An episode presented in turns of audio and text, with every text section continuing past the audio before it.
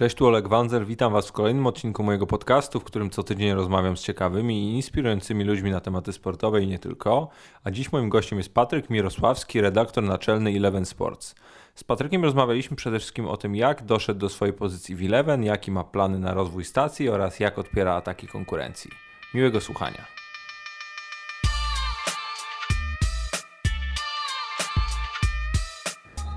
Cześć Patryk. Y, spodziewałem się, że może to być dla Ciebie dziwne, dziwne doświadczenie, że, że z tej strony tym razem.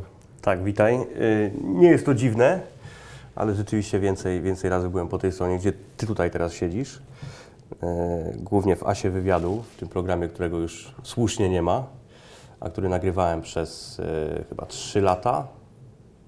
Chyba 3 lata nagrywałem ten program, a na pewno ponad dwa i tych odcinków było jak sobie liczyłem ostatnio ponad 400, także jak będziesz miał chociaż połowę tego, to będzie git. A to co, będziesz chciał wtedy ze mną nagrać drugi, jak, jak, jak nagram tę połowę? No, dlaczego nie? Nie, ja lubię sobie takie różnego rodzaju wiesz, targety wyznaczać, bo... Ale Ty podobno chcesz, y, chcesz nagrać 100, tak? Słyszałem. Ja mam plan taki, że na dzień dzisiejszy chcę nagrać 100, potem podejmę decyzję. No jak już mam tutaj stymulant, by nagrać 200, to, to pewnie nagram 200. To wszystko będzie, będzie zależało, nie ukrywam, od, y, od ludzi, od tego, jak to się będzie słuchać, czy będzie wciąż ktoś, kto, e, z kim ja będę chciał porozmawiać. A jak się słucha teraz? W porządku. Jest kilka tak? tysięcy osób y, per odcinek, które słuchają tego regularnie i, i ja jestem bardzo zadowolony. Tam Przekroczyłem dzisiaj 85 tysięcy odsłuchań. Więc, okay. więc jak, jakby na holistycznie na wszystkie odcinki. A ty jesteś prekursorem trochę, nie? Takiego podcastu z zapraszaniem dziennikarzy czy też sportowców, czy nie? Tego na pewno, e, tego na pewno. nie, nie, liczę, nie liczę takich, wiesz, programów, które były robione na, do internetu albo do telewizji, które tylko, wiesz, ściągały audio i eksportowały to w formie podcastu, bo to nigdy mhm. nie był podcast od samego początku. Tak, żeby powiedzieć jasno, from, mówię od samego początku, że to jest podcast, no to, no to ja pewnie jestem pierwszy. E, no ale to w Polsce, tak. No. W Stanach takich, e, takich gości to jest na, na pęczki. E, słuchaj, bo, bo do ASU pewnie jeszcze, jeszcze wrócimy przy okazji Eleven i, i no w ogóle Twojej tam działalności telewizyjnej obecnie, ale bym chciał zacząć troszeczkę od innej strony, bo to jest, nie ukrywam, coś, co mnie chyba najbardziej zaciekawiło. No ja rozumiem, wiesz, każdy ma swój fetysz i, i tak dalej, ale biatlon? Tak, ja jestem wielkim fanem biatlonu. Szczególnie jeszcze, przepraszam, że Ci przerwę, tam jest, no, on jest zdominowany, czy był zdominowany przez jednego sportowca no, przez dobre kilka lat. Tak, ale, ale ten sportowiec to, to wielka postać, bo mówisz o Bierndalenie, tak, rzecz jasna. To wielka postać, ja miałem przyjemność poznać Bierndalena, parę razy z nim rozmawiać. To jest niesamowity gość, bo on mając 40 lat, cały czas się szkolił ze strzelania. On cały czas brał lekcje ze strzelania. Mieszka w Austrii i i, miał lekcję od, od trenera, który właśnie się zajmuje strzelaniem. Natomiast ja biatlonem się zaraziłem, jak mieszkałem w Niemczech, bo ja mieszkałem w Niemczech, jak miałem chyba 14 lat, to wyjechałem do Niemiec robić tam liceum i, i rzeczywiście... Skąd taka decyzja? Wiesz co, ja jestem z Zielonej Góry. I, Czyli blisko. I blisko, to po pierwsze. Po drugie, moi rodzice wysłali mnie na lekcję niemieckiego, jak miałem 6 lat. Więc ja się tego niemieckiego bardzo szybko nauczyłem. Jak miałem, nie wiem, 10 czy 11 lat, to ja już potrafiłem biegle mówić po niemiecku i cały czas w szkole się, się tego niemieckiego uczyłem. No i jak poszedłem do liceum, to, to właśnie do Niemiec. Taki był pomysł, żeby sobie tam wyjechać. Poza tym ja zawsze byłem ciekawy świata i, i wydawało mi się, że jak mam 14 lat i wyjadę sobie do Niemiec, to po pierwsze nie będę mieszkał ze starymi, czyli będę miał wolność. Po drugie będę sobie mieszkał w obcym kraju, który, który bardzo lubię, bo ja bardzo lubię Niemcy jako kraj. Nawet dzisiaj, nawet ciągle, teraz jak rozmawiamy, to dzisiaj są, nie wiem kiedy to będziesz puszczał, ale są wybory w Niemczech, więc mam nadzieję, że, że wygra E, ta właściwa osoba, natomiast o polityce nie będziemy rozmawiać. Natomiast e, i rzeczywiście jak pojechałem do Niemiec, to tam ten biatlon jest sportem może nie numer jeden, bo rzecz jasna tym sportem jest piłka, ale jest jednym z najważniejszych sportów w Niemczech. Jeżeli jest zima, to rzeczywiście ten biatlon jest zawsze pokazywany albo w CDF-ie, albo w ARD, czyli w telewizji publicznej, a ja uważam, że jednak ciągle telewizja publiczna w takim kraju jak Niemcy czy Polska e, może decydować o popularności jakiejś dyscypliny. Bo gdyby nie TVP, to pewnie nikt w Polsce nie oglądałby biegów narciarskich. Albo skoków. Albo skoków. Oczywiście, że był Adam Małysz, był Kamil Stoch, jest Justyna Kowalczyk, czy jest też Kamil Stoch i jest Justyna Kowalczyk, ale gdyby to było pokazywane w takiej telewizji jak tylko Eurosport, czy jak tylko Polsat Sport, czy tak jak tylko Eleven czy Kanal Plus, to by to y, nie zaciekawiło aż takich tłumów, jak, jak, jak, jakie były. No, uważam, że biegi narciarskie są nudnym sportem, a jednak ludzie oglądali w liczbie, w liczbie nie wiem, 3-4 miliony co niedzielę, jak tam Justyna Kowalczyk biegnie na jakimś dystansie. E, Biatlon jest ciekawszym sportem o tyle, że jest jeszcze strzelanie, a my mieliśmy takiego sportowca Tomasza Sikorę, wielki, wielki moim zdaniem sportowiec, e, który zdobył srebrny medal. Dzisiaj dobry golfista. Dzisiaj niezły golfista, tak, Tak tak. No tak chyba się uczy grać w golfa, nawet był kiedyś u mnie w Hiszpanii, jak mieszkałem, bo i tam mieszkałem i, i, i gra w golfa. E, Różne rzeczy tam w ogóle robiliśmy, nie tylko graliśmy w golfa, ale Ty grasz w golfa? nie, nie gram w ogóle. Jak, jak, można, jak można nie grać w golfa mieszkając w Hiszpanii? No nie wiem, no ja miałem inne, inne jakieś tam Ćwiczyłeś biatlon rzeczy Hiszpanii? do robienia. No też nie, ale jest, ale jest jedna Hiszpanka biatlonistka, bie- brała udział w Mistrzostwach Europy chociażby, ale bardzo słaba rzecz jasna. Natomiast ym, ja z Sikorą się zaprzyjaźniłem, y, jesteśmy bardzo bliskimi kumplami dzisiaj, a kiedyś był tym sportowcem, którego ja oglądałem w telewizji. To był pan Sikora wtedy dla mnie i, i bardzo się pasjonowałem tym, czy on rzeczywiście pokona tego Grajsa, czy będzie lepszy od, od kilku innych zawodników, czy wyprzedzi tego Bierndalena, czy nie. I to rzeczywiście było tak, że no dla mnie niedziela czy, czy sobota z biatlonem to było święto. I tak jest trochę do dzisiaj, chociaż dzisiaj mam trochę mniej czasu, ale jak tylko mam, nie wiem, wolny weekend, to, to staram się na ten biatlon y, pojechać. Ja komentowałem biatlon też w Eurosporcie dzięki uprzejmości Tomka Jarońskiego. To też muszę, muszę, muszę podkreślić, że gdzieś tam w, tym, w, tej, w tej pasji mojej biatlonowej towarzyszył mi ten duet Jaroński-Wyżykowski. Uważam, że najlepszy duet komentatorski w kraju bez podziału na kategorie i na dyscypliny. I y, ja rzeczywiście miałem przyjemność z nimi komentować, raz z Jarońskim, raz z Wyżykowskim, na przemian, zależnie od tego, czy, czy Krzysiu akurat był w Paryżu, czy w Warszawie. Y, później jak przeszedłem do Eleven, to już, y, ponieważ mam kontrakt na wyłączność, to, to nie mogę komentować w Eurosporcie i to jest zrozumiałe, ale ten kontakt z biatlonem mam i, i nawet parę miesięcy temu byłem na biatlonie w Pokliuce w Słowenii, tak o sobie poleciałem y, prywatnie i i ten biatlon oglądam, lubię. Chciałbym bardzo komentować, ale Eleven nie ma praw do biatlonu. A z perspektywy y, właśnie praw, to, to prawa do, do takiego biatlonu są drogie? Wiesz co, ja nie mogę mówić e, o kosztach praw, e, nawet tych, których nie mamy, ale e, w tej chwili biatlon czy Unia Biatlonowa sprzedaje e, e, te, tę dyscyplinę, czy prawa do tej dyscypliny dwutorowo. E, Do Eurosportu idzie tak czy tak, ponieważ to sprzedają na kilka krajów, czy na kilkanaście, czy na kilkadziesiąt. I uważam, że... paczce. Tak, i uważam, że Eurosport y, robi z tej dyscypliny naprawdę coś fajnego. Y, I jest drugi pakiet jakby sprzedawany też do innych telewizji. No, zazwyczaj miało to TVP, tej chwili ma to Polsat Sport. Okej. I tak to wygląda. Nie jest to na pewno y, koszt rzędu Ligi Hiszpańskiej, czy, czy nie wiem, czy Ligi Polskiej, czy, czy Ligi Angielskiej w piłkę nożną, ale zawsze prawa są, pamiętaj, że prawa są zawsze tak drogie, jak się, ile się za nie płaci. Jak, jak wszystko raczej. Są też wyjątki takie, że niektóre dyscypliny, czy nie- niektóre rozgrywki w Polsce nie były pokazywane, jak na przykład Puchar Anglii, bo on był pokazywany przez e, Sport Club, później przez Orange, ale była przerwa, bo Anglicy chcą jakąś tam, powiedzmy, kwotę poniżej której nie schodzą, tak? Ale zazwyczaj prawa kosztują tyle, ile się za nie płaci. Jeżeli ktoś płaci najwięcej, to te prawa dostaje. To, to taka szybka lekcja, lekcja ekonomii na, na przykładzie praw telewizyjnych, ale wracając jeszcze do biatlonu, bo mówisz, że poznałeś Bierndalena, e, rozmawiałeś z nim, prawda? Tak, tak.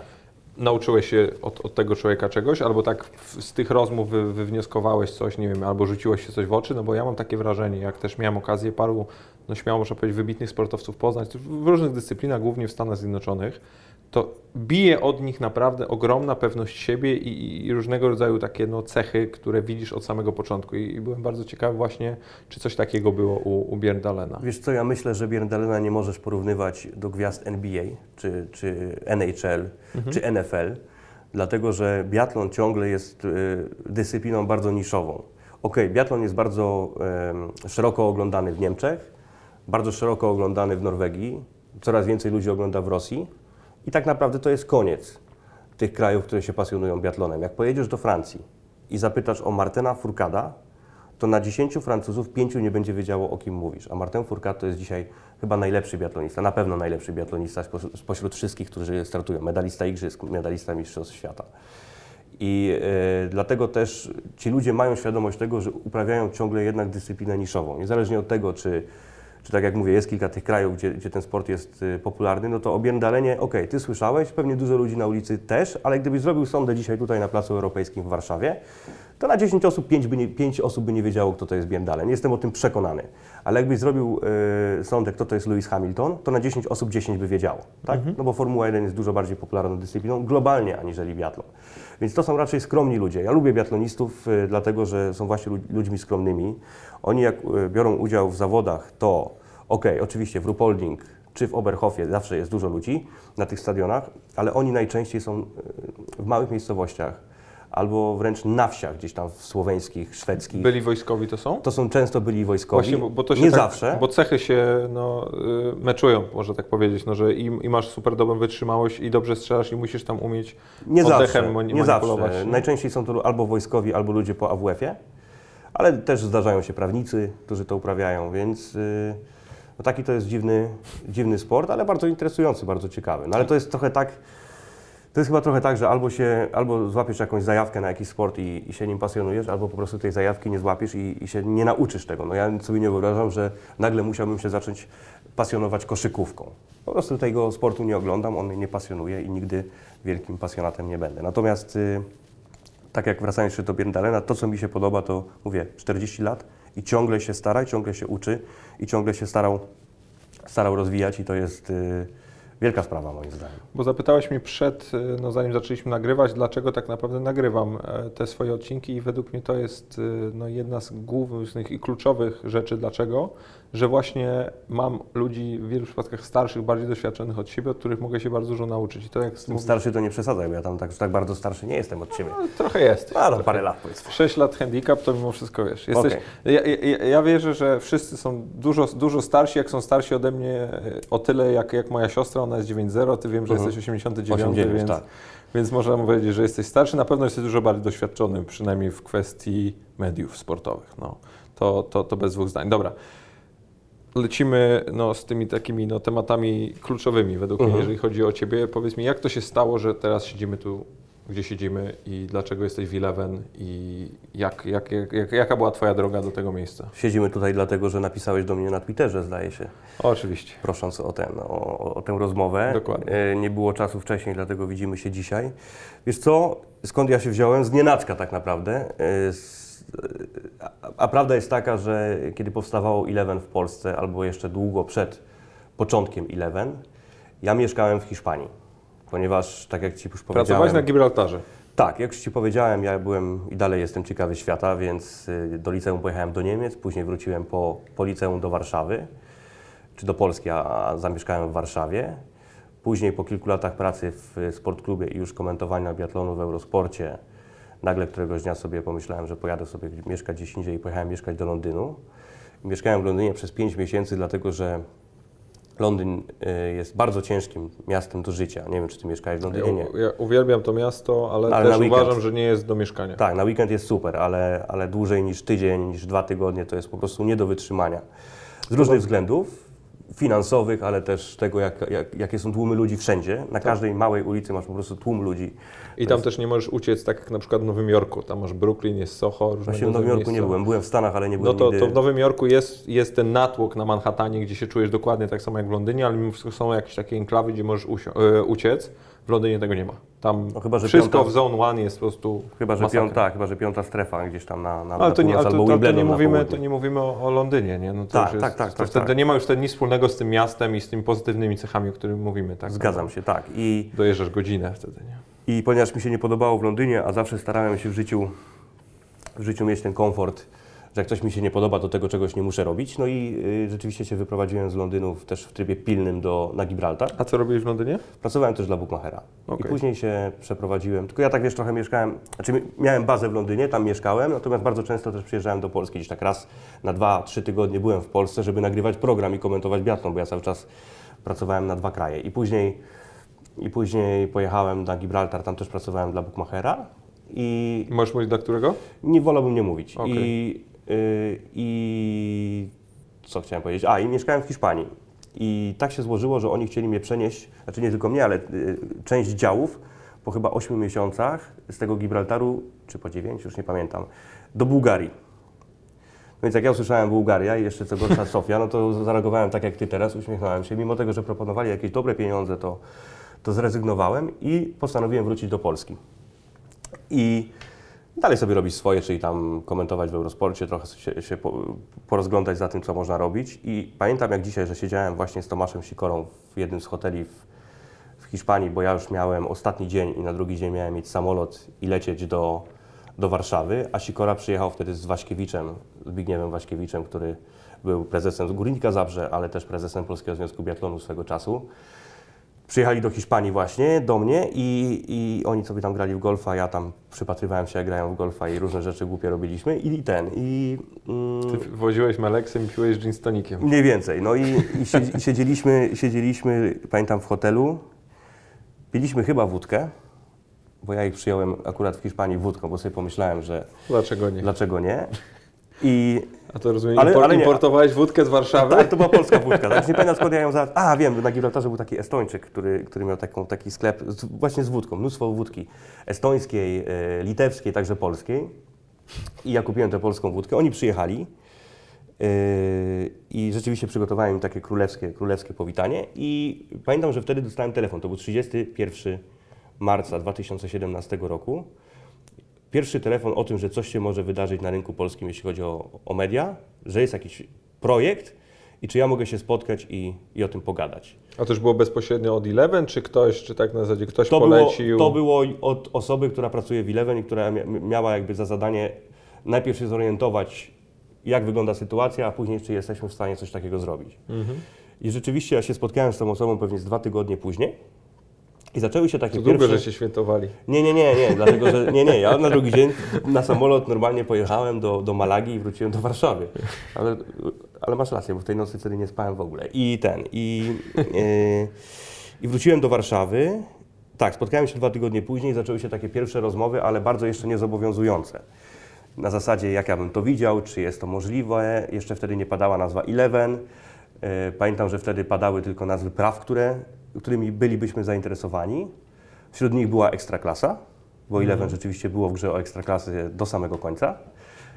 Ostatecznie te prawa poszły do, do NC Plus i do Eurosportu. Zresztą też e, to jest w ogóle taki argument, że dzięki temu, że Eleven było w, tych, w tej dyskusji i, i no w tym całym procesie przetargowym, no to podobno właśnie cena jest taka, jaka jest, e, a nie na przykład niższa, nie? No tak, jak Ci powiedziałem, o cenach praw nie mogę i nie, Ale- chcę, i nie chcę rozmawiać, ale na pewno zawsze, jeżeli masz konkurencję, która, która bije się o prawa, to siłą rzeczy cena, cena idzie do góry. No to jest normalne. Tak, takie jest prawo z każdego przetargu, nie ma w tym nic nadzwyczajnego. A nie, nie miałeś w ogóle wielkich oczu, jak, e, jak usłyszałeś, że no mówię, prawa do hiszpańskiej, włoskiej, francuskiej, niemieckiej, tak jak dzisiaj macie i, i ktoś Ci mówi, będzie mieli te prawa Nie, nie uznałeś, że to są banialuki? Nie miałem, natomiast y, pamiętaj, że wtedy jeszcze o Hiszpanii nikt nie mówił, bo myśmy Hiszpana kupili dopiero po starcie Eleven. Tak. Ja miałem wielkie oczy, jak usłyszałem o Ekstraklasie, bo sobie nie wyobrażałem wtedy, a mówimy o czasie kwiecień, maj, czerwiec 2015 roku, czyli o czasie, kiedy jeszcze nie Dwa było miesiące, Eleven. czyli dwa, jeszcze i dwa miesiące przed startem ligi wtedy. I wtedy dwa jest, miesiące przed startem ligi, tak. czy, czy to jest rok? Wtedy liga, nie, nie, nie, dwa miesiące przed startem ligi. Więc y, ja robiłem wielkie oczy, bo sobie nie wyobrażałem, żeby ta liga mogła na tamten czas wyparować z, z Kanał Plus. I jeszcze Ty byś musiał wtedy zbudować w dwa miesiące zespół, który miałby tę ligę pokazać. Tak. I dzisiaj wiem, żebym tego nie zrobił. No, to, no, to mogło być Mimo ciężkie. tego, że moje zapowiedzi z tamtych wywiadów na początku Eleven były dosyć takie, powiedziałbym, brawurowe i buńczuczne, że stworzę najlepszą redakcję w Polsce. Wielu brało to za żart. Dzisiaj uważam, że wielu z tych ludzi, którzy wtedy się śmiało, dzisiaj mają e, może z nami nawet czasami problem. A podtrzymujesz to? Podtrzymuję to. Że zrobiłeś najlepszą Tak, redakcję ale za chwilę Ci powiem dlaczego. roku? Tak mi się wydaje, ale za chwilę Ci powiem dlaczego. Znaczy wiesz, to tak naprawdę to, to widzowie niech ocenią, tak? Ale, z, ale czekaj, mówię, ale nie rób takiej miny. Ale y, z reakcji widzów wnioskuję, że chyba tak jest. Ja mam poczucie takie, że jest to redakcja, okej, moim zdaniem najlepsza, na pewno jest ona jakaś, na pewno Eleven ma swój styl, ale wiesz co, wrócę jeszcze do tych To początków jest twój, Eleven, w ogóle to jest według mnie Twój największy sukces, że ta redakcja jest jakaś. Ale to wiesz co, za chwilę do tego przejdziemy, tylko Ci powiem to jeszcze o początkach Eleven, bo to jest ciekawe. Ja wtedy pamiętam, że y, Eleven było mocno w grze o Ekstraklasę. Ostatecznie spółka Ekstraklasa SA stwierdziła, że te prawa jednak pójdą do, do Kanał Plus. No i wtedy się zastan- zaczęliśmy zastanawiać, no to, to jaka jest droga tej telewizji, skoro nie będzie ESY. Bo jednak Liga Włoska, Liga Francuska, z całym szacunkiem dla tych lig, to jest trochę za mało, żeby wystartować z telewizją. Myśmy wystartowali, jeszcze tam dołożyliśmy parę praw typu Puchar Anglii i NFL i tak dalej, i tak dalej. Wiecie, te re- reprezentacje latynoamerykańskie, jakieś te mecze Jeszcze nie, mieli, nie jeszcze mieliście nie mieliśmy wtedy, nie. Mieliśmy, pamiętam, Mistrzostwa Europy w koszykówce i dopiero, pamiętasz jaka była akcja z Ligą Hiszpańską? Było tak, że pierwsza kolejka nie została pokazana z wyjątkiem poniedziałkowego meczu. Czyli ani nikt nie widział Realu, ani Barcelony dwa lata temu, tak, bo to było dwa lata temu, mm, w Polsce, bo po prostu nikt nie miał praw. Bo prawa kupiła telewizja e, Be-In i powiedziała, proszę bardzo, możemy Wam sprzedać. Wam, Wam, Wam, Wam, Wam, kto da więcej. I te przepychanki, no przepychanki, no, rozmowy trwały długo. Skończyło się tak, że ostatecznie najwięcej dało, dało, dało Eleven i Eleven kupiło te prawa. I to był moment przełomowy, żebyśmy my gdziekolwiek się pojawili, bo myśmy byli na początku w internecie, co było trudne i ciążyło coraz bardziej także nam, ale później skoczyliśmy do jednej, drugiej platformy, na, na, na, do, do, sieci kablowych i dzisiaj Eleven można oglądać tak naprawdę wszędzie, też w internecie, ale już nie tylko w internecie. No ja pamiętam, miałem w ogóle, ja jako ja miałem wtedy największy z tym problem, bo ja na przykład oglądałem w internecie i było spoko, ale potem jak e, na przykład chcieliśmy obejrzeć w domu już w szerszym jakimś gronie ten, ten mecz Barcelony czy Realu na samym początku, to, to w ogóle nie dało się tego zrobić. To trwało, bo to było parę, parę tygodni ładnych, kiedy, kiedy my byliśmy tylko w internecie. I to było, mówię, to było trudne. Pamiętam też, zanim wystartowaliśmy, było mnóstwo artykułów, takich trochę prześmiewczych na temat, na temat Eleven, w poważnych gazetach, bo i, i w Gazecie Wyborczej, i w Przeglądzie Sportowym, i w paru innych naprawdę poważnych, poważnych yy, tytułach. Pamiętam taki tytuł, Znikająca telewizja. Zni, znikają zanim, zanim powstali. To chyba było z przeglądu sportowego. Gazeta Wyborcza ciągle pisała, że e, pochwalili się prawami, których nie mają i tak dalej, i tak dalej. Nie ma ich nigdzie, nie wystartują. A myśmy nie dość, że wystartowali. Ja byłem dosyć spokojny i nieczuły na, ten, na, ten, na te wszystkie artykuły, na ten hejt. Hejt był duży na początku, trzeba powiedzieć, że, że ludzie przyzwyczajeni jednak do tego, że mają te prawa w Kanał Plus czy w jakichkolwiek innych telewizjach, to, to Polacy nie lubią za bardzo zmian. Ciągle. I nie lubię płacić za zmiany tym Nie bardziej. lubią, ale wiesz co, płacisz za każdą telewizję. To jest tak, że my jesteśmy ok à la carte, ale też już nie, nie we wszystkich telewizjach, nie we wszystkich pakietach, bo możesz sobie kupić właśnie pakiet, gdzie masz nie tylko Eleven i, i nie płacisz ekstra jakby tylko za Eleven, ale prawda, ta telewizja kosztuje też ciągle 15 zł, czy 14, czy 16, zależnie gdzie, w niektórych, u niektórych operatorów, ale zwykły człowiek sobie nie zdaje z tego sprawy. Mówię zwykły, czyli spoza jakby środowiska, spoza branży, spoza mediów. Przecież za TVN24 też płacisz. Masz tego świadomość, że oglądając TVN24 płacisz. Za Eurosport też płacisz. Bo nie masz y, Eurosportu 2 na przykład, czy TVN24. Ja mam UPC w domu. To ja nie mam w normalnym podstawowym pakiecie. Ja muszę kupić jakiś tam pakiet Selected, czy jak to tam się nazywa, czy pakiet y, w ogóle jakiś rozszerzony, żeby oglądać TVN24. I to wszystko kosztuje. Telewizja po prostu kosztuje. Tak zwane skinny bundles. Tak, dokładnie, dokładnie, dokładnie. Więc y, Znienawidzone słowo wśród wszystkich producentów telewizyjnych w Stanach Zjednoczonych. Nadużywali go przez ostatnie 3 lata, a teraz muszą wymyślić coś nowego. tak, Nie tak. wiedzą jak to nazwać. Więc, więc tak, to, tak to wygląda i, i to jest telewizja płatna. Więc jak mówię, y, ludzie, ludzie byli na początku zdenerwowani, ja to rozumiem. Ludzie hejtowali, ja to rozumiem, ale ja byłem, dalej jestem naprawdę bardzo nieczuły na wszelkiego rodzaju hejt, zaczepki, czy to ludzi z branży, a ciągle się takie y, czasami zdarzają, czy, czy zwykłych widzów. Na szczęście tego jest coraz mniej. Mam w ogóle takie wrażenie, że dzisiaj Eleven ma największy hype, jeśli chodzi o social media. Hype i hejt. Ale to jest tożsame według też mnie. Musisz, pewnie. musisz, jak masz hype, musisz mieć hejt. Zawsze jest Cały ktoś, czas. kto będzie nie, się, cały czas, nie? Ale, będzie cię jechał. ale jakoś tak społeczeństwu się zaczęło to podobać, mówiąc, mówiąc y, ładnie, społeczeństwu. Zaczęła się ta telewizja podobać. Początki były trudne, ale one musiały takie być. Mhm. Ciężko, żeby wejść z taką telewizją i z takim nastawieniem, takim planem, jaki my mieliśmy, czy ja miałem na tę redakcję, na tę telewizję, e, żeby wyjść z tego cało i nie być poobijanym, bo to było duże ryzyko, ale to ryzyko dzisiaj moim zdaniem się opłaciło. A jak ty reagujesz na, na te zaczepki, tak jak to ładnie nazwałeś? Wiesz co, albo w ogóle nie reaguję. Mówisz o social mediach? No ale e, różnych, no bo ja na przykład wyznaję taką zasadę, że nic o nas bez nas, tak? No i, i ja mam tak, czasem takie wrażenie, że wy wręcz za mało się czasem wypowiadacie e, versus inne stacje. Wiesz- albo inni ludzie ze stacji.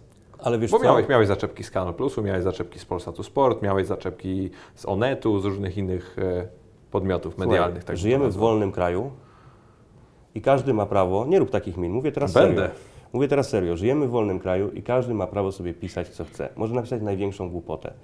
Może Andrzej Twarowski pisać na Twitterze, zresztą ja wtedy byłem chyba na jakiejś formule, jak on to, jak on to napisał, a wiem, że chcesz do tego nawiązać. Nawet nie o to mi chodzi. Nie, nie, nie, bo, bo, bo, bo wiesz, e, Andrzej Twarowski się wypowiadał, wypowiadał się Mati Borek e, i to są jakby dwie najbardziej w ogóle. Tomek Smokowski e, się też pozycjonował do Eleven. Ja nawet mówię z perspektywy mojego podcastu, no bo ja rozmawiałem z Tomkiem, rozmawiałem z, z Matim i, i, i pytałem ich e, e, bardzo wprost zresztą o, o Eleven, no bo tak to jest, jak przychodzi jakiś nowy gracz na rynek, który jeszcze się dość mocno rozpycha i jeszcze przychodzi z dużą gotówką, kupuje dużo praw, no to siłą rzeczy, jak kręcisz tym takim status quo, no to, czy mącisz tym status quo, no to, to może być wkurzony ktoś. I ja to rozumiem, jest, no, ludzie są sfrustrowani i tak dalej, tylko jestem bardzo ciekawy, jak to z Waszej perspektywy wygląda. Ale ja też to rozumiem, że możesz być wkurzony. Naprawdę. Tylko takie są prawa rynku. Dzisiaj przychodzi, nie wiem, tutaj jest obok sklep Renata się nazywa, obok Eleven. I tam pani ma kiosk, podejrzewam, że ma ten kiosk od 94 roku, sprzedaje gazety. Ale jeżeli się za chwilę otworzy obok sklep Alina, która będzie prezentowała, będzie miała więcej gazet do sprzedania, więcej puszek Coca-Coli, czy więcej puszek jakiegokolwiek innego napoju, i e, jeszcze będzie to może trochę ciekawiej i lepiej podane, to człowiek pójdzie do Aliny, a nie do Renaty. I tak samo jest z telewizją. Myśmy przejęli prawa do La Ligi, do Serie A, do Ligę, no ale z całym szacunkiem. Jeśli, jeśli popatrzymy na prawa do La Ligi, głównie i Serie A, to nikt w Polsce nie pokazywał tylu meczów, ile pokazujemy my. Nikt tego po prostu nie robił. Więc uważam, że weszliśmy dobrze w ten rynek, że mieliśmy jakiś pomysł na to wszystko. Ja wiem, że e, czytałem, bo ktoś mi to podesłał, yy, że Andrzej Twarowski napisał, że to jest telewizja sprzed 15 lat, no ale na drugi dzień zdaje się, że Andrzej Twarowski już się z tego trochę wycofał i powiedział, że go poniosły palce. I ja uważam, że, że każdy ma prawo do swojej opinii, yy, nawet jeżeli przesadzi, czy, czy później się z tego wycofa, ok, ta opinia zostaje, to poszło w świat, natomiast nie mam takiego poczucia, żebyśmy robili telewizję sprzed 15 lat. Mi się wydaje, czy mnie się wydaje, bo tak się powinno mówić, że robimy telewizję właśnie z roku 2017. Patrząc na liczbę praw, patrząc na redakcję, która to, to robi, bo tak jak mówię, ja podjąłem ryzyko i poszedłem w tym kierunku, żeby brać ludzi mniej znanych albo w ogóle nieznanych i dać im szansę i ich wychowywać. Nie zgodzę się do końca, bo to są z kolei ludzie, którzy są bardzo znani na przykład w mediach społecznościowych. Teraz tak. Ale słuchaj, Ćwionki, jak zaczynał Was komentować, miał już ponad według mnie 30-40 tysięcy Miał fanów. 20. 30. 20. 20. No to 20 wciąż. Dzisiaj ma bardzo dużo. 90. Dokładnie. Uważasz, że to przez Eleven, czy przez to, że Nie, ja nie, ja nie mówię, że to przez Eleven. Ja bym tego nie, kategoryzo- nie kategoryzował w tej, w, w, jakby w, tych, w, tym kierunku, że, że ktoś komentuje w Eleven, to ma 90 tysięcy fanów, bo ja też komentuję, mam nie wiem, chyba z 10 tysięcy. 16,5? A, już 16. W ogóle się tym, zaraz też o tym pogadamy, w ogóle mnie to nie, nie kręci, ten Twitter ani ten Facebook, ale to nieważne. ten Twitter, ten Facebook? W każdym razie... Te, te Twittery, Te Twittery, Snapchaty. tak. Nie, nie, nie, nie jestem, nie jestem wielkim fanem. Ja tylko do, do tego dążę. Jeżeli telewizją sprzed, przed 15 lat jest telewizja, która stawia na pasjonatów, którzy nie, nie gadają banałów na antenie, tylko potrafią ludzi, y, ludzi zaciekawić.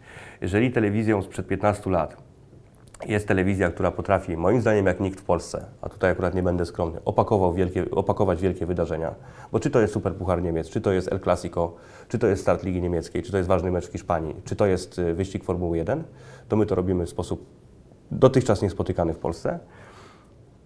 To jeżeli taka była telewizja 15 lat temu, to żałuję, że jej nie oglądałem wtedy. Ale Oglądać biatlon. Oglądałem biatlon, dokładnie. Albo byłem, no nie wiem, wtedy oglądałem telewizję oczywiście, ale ten, ale każdy ma prawo do swojej opinii. Każdy może napisać, co mu się podoba, a ja mam też prawo na to nie reagować. Mówimy o Twitterze. Ja nie mam nawyku patrzenia w Twitter i w telefon co godzinę. Y, Jak zobaczysz, Co godzinę to rzadko. jak, jak zobaczysz, a ci pokażę, ci pokażę, to wprawdzie robisz podcast, a nie telewizję. Ja nie mam aplikacji Twittera. Mam Tok FM, mam. Skype'a, mam Fakty TVN. Potwierdzam. Mam Snapchat, którego nie Snapchat? używam. Tak, bo mi dziewczyna kazała założyć, ale nie używam. Wysyła mi jakieś tam swoje zdjęcia. Mam Messenger. Dobra, mam komu Facebook. robimy kryptoreklamy? Nie, no nie robimy, nie robimy. Ale nie mam Twittera, bo, bo nie mam takiej potrzeby i ja też długi czas nie miałem Twittera. Ja go założyłem dopiero przed startem Eleven, dlatego żeby nie było fejków, które się już pojawiały wcześniej, bo już powstawały konta pod moim nazwiskiem. Nie wiadomo po co, nie rozumiem po co kto, ktokolwiek coś takiego robi i, i, i podszywał się pode mnie, więc ja założyłem ten, ten Twitter, ale ja w ciągu dwóch i pół roku, od kiedy mam Twittera, to napisałem może 3000 tweetów. Znaczy napisałem duże słowo, pewnie z połowa tego to jest podaj dalej. I głównie piszę tylko o tym, że mamy mecz o 16, albo mamy studio, albo będzie w studiu ten i ten, albo, albo coś tam. Nie mam takiego nawyku, nie jestem fanem wielkim social mediów czy mediów. E, Nie muszę, mówię, otwierać cały czas Twittera i walczyć o, o lajki, followersów i tak dalej. To, to, to skąd u Was ten drive na media społecznościowe? To jest oddolne, robione no, przez e, Nie, to ja redaktorów? wymyśliłem. To ja akurat wymyśliłem, bo ja uważam z kolei, że no wtedy włączam Twitter, kiedy komentuję, bo ja uważam, że właśnie telewizja sprzed, sprzed, sprzed 15 lat to jest też taka telewizja, która ma bezpośredni kontakt z widzem. 15 lat temu nie było No Twittera wydaje w mi się, że nie, no właśnie. Facebook był pierwszy i Facebook jest z 2004. Więc trzeba sobie zadać pytanie, które z telewizji w Polsce rzeczywiście są sprzed 15 lat. Ja y, uważam, Wiele. ja uważam, że my właśnie idziemy z duchem czasu i dzisiaj fajnie jest przytoczyć opinię widza. Zresztą wiecie, jaka jest też ciekawa historia? My komentując czasami mecze, jesteśmy tak skoncentrowani, że powiemy coś, co, co jest głupotą. To się rzadko zdarza, ale się jednak zdarza, albo coś innego chcieliśmy powiedzieć, a nawet tego nie zarejestruje, że, tak, że, że palnąłeś jakąś głupotę. Wchodzisz na La Zabawę, komentując mecz, czy na Bundestag, czy na włoską robotę i od razu widzisz, bo masz tam trzech, czterech widzów, którzy piszą natychmiast, że wie pan, co pan powiedział, a pan powiedział to i tamto. Ja mówię, o, od razu mogę przytoczyć, jeżeli to To i prawda, tak tych kulturalnych wybrałeś, jak mówią per pan. nie, no tak, tak, tak. Nie, no są, są też oczywiście negatywne wpisy. Ja tam czasami, czasami po, po, też reaguję na te ne- negatywne wpisy ludzi. Nie lubię czepialstwa, po prostu, bo ja rozumiem krytykę, ale nie lubię czepialstwa i takiego czepiania się. A dlaczego nie dajecie meczu Ligi Belgijskiej? Otóż chciałem Wam wszystkim powiedzieć, że nikt w Polsce nie ogląda Ligi Belgijskiej. Okej, może nie nikt, ale ogląda pięć osób. Komentowałeś Ligę Belgii. I dlatego wiem, że nikt jej nie ogląda. Czyli ogląda pięć osób. Więc jak widzę natychmiast... Specjalizujesz się w, w, w, jakby w komentowaniu wy, wy, wydarzeń sportowych, których nikt nie ogląda?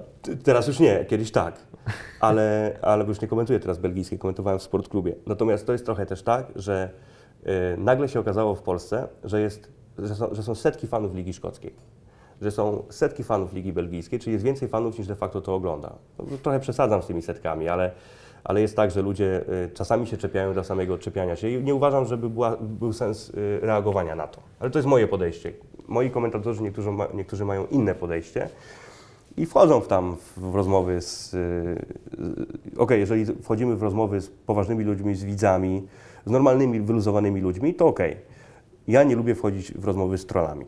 Ja uważam, że wiesz, dla świętego to dzień bez tego typu dyskusji to jest dzień stracony. No tak, ale mówię, każdy jest wolnym człowiekiem, każdy może robić co chce. Ja tylko powiedziałem moim komentatorom na początku Eleven, żeby nie wchodzili w rozmowy polityczne, a najlepiej unikali politycznych wpisów na Twitterze i e, Facebooku, dlatego że to od razu stwarza gówno burzę.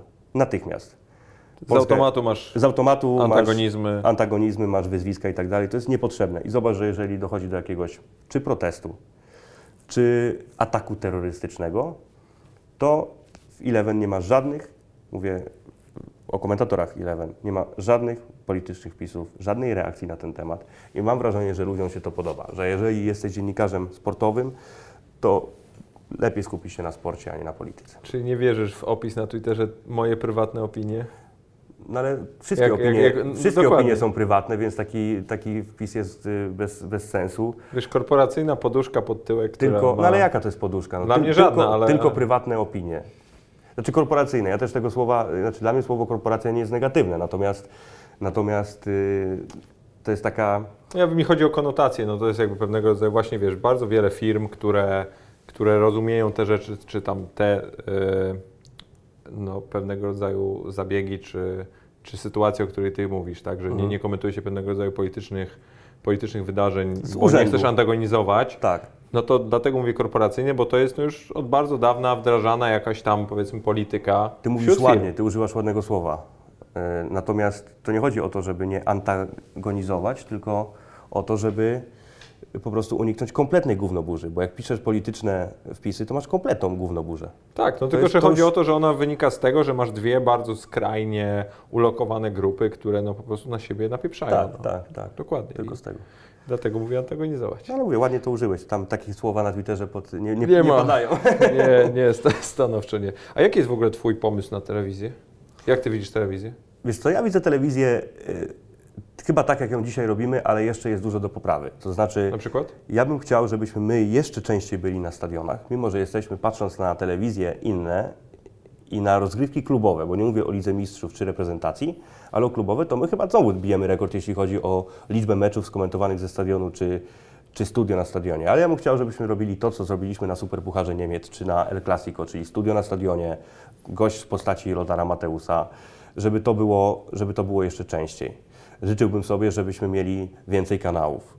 Życzyłbym sobie, żebyśmy dzisiaj mieli taki wybór, że kupujesz paczkę kanałów, masz tych kanałów 10, tak jak ma Bein czy kiedyś Al Jazeera i masz absolutnie wszystko. Tak? My i tak się staramy pokazywać dużo, ale część rzeczy oczywiście umyka. No nie jestem w stanie pokazać wszystkich meczów Ligi Włoskiej, dlatego że Liga Włoska gra y, często o tej samej porze, nie wiem, 5 czy, czy 4 mecze. Y, Ty wierzysz w ogóle w pełne on demand, no w sensie w pełną telewizję na żądanie, że możesz sobie kupić ten jeden mecz i... jeszcze nie teraz. Okej. Jeszcze nie teraz. Bo ja na przykład sobie bardzo cenię właśnie tą waszą pewnego rodzaju e, no, usługę na żądanie, gdzie ja mogę, bo, bo ja, ja, ja personalnie w ogóle nie mam telewizji. Mhm. Ja też nie, bo mi odcięli, nie zapłaciłem rachunków, ale już teraz postanowiłem nie, nie, nie, Możesz, masz okazję się przeprosić z UPC. Mam. Od... Nie, mam. No właśnie. Ale oni są, a ja, ja No dobra, mam, to zapłacę, ale wiesz co, bo ja tak często wyjeżdżam.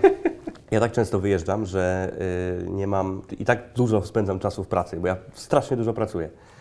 I y, naprawdę mi ciągle umyka i mi ciągle co miesiąc wyłączają tę telewizję. A później oczywiście płacę za to jeszcze karę, bo tam jest 30 zł za to, że ci aktywują jeszcze raz.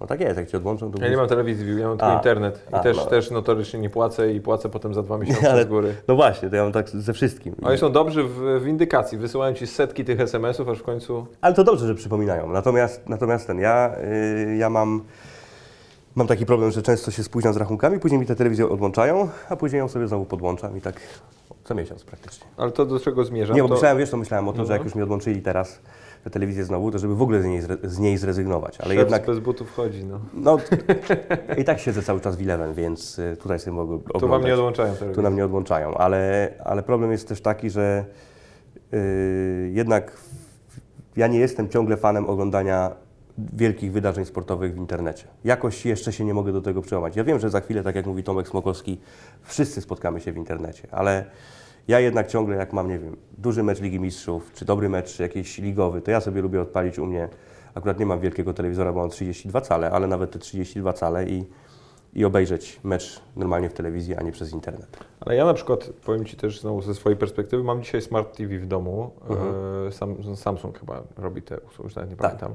E, I, no i możesz normalnie sobie zainstalować aplikacje tam, czy Netflixa, czy, czy, czy, czy mm, HBO. Netflixa czy, mam akurat, ale też nie mam czasu za bardzo oglądać. no, i, I chodzi o to po prostu, że teraz już no, możesz się zalogować normalnie do takiej platformy przez telewizor, czy sobie z, zrobić przez Apple TV rzut na, na ekran i oglądać normalnie z komputera. Tak. Ja tak oglądam NBA i NFL w ogóle w, w Polsce, bo mam tu od razu tutaj prywatny zarzut, pokazujecie za mało NFL.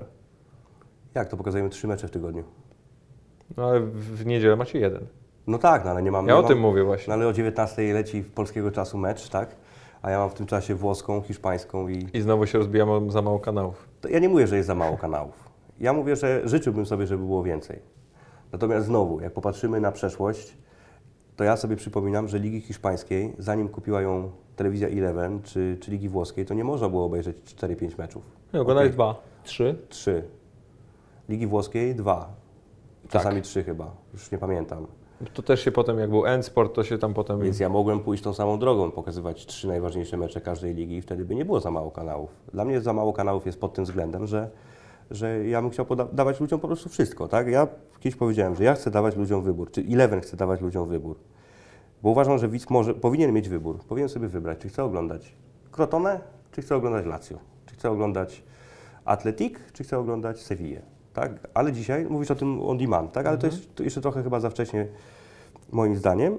Natomiast y, ja bym chciał mieć więcej kanałów. Y, na pewno na pewno będziemy robić coś w tym kierunku, ale jeżeli pytasz mnie o to, jaką, jaki jest mój pomysł na telewizję, to ja ten pomysł chyba realizuję. Znaczy ja sobie tak to wymyśliłem, żeby mieć telewizję świeżą, żeby nie sięgać po znane nazwiska. Ja nie mówię, że złe, bo ja uważam, że w Polsce jest bardzo dużo dobrych komentatorów w innych telewizjach.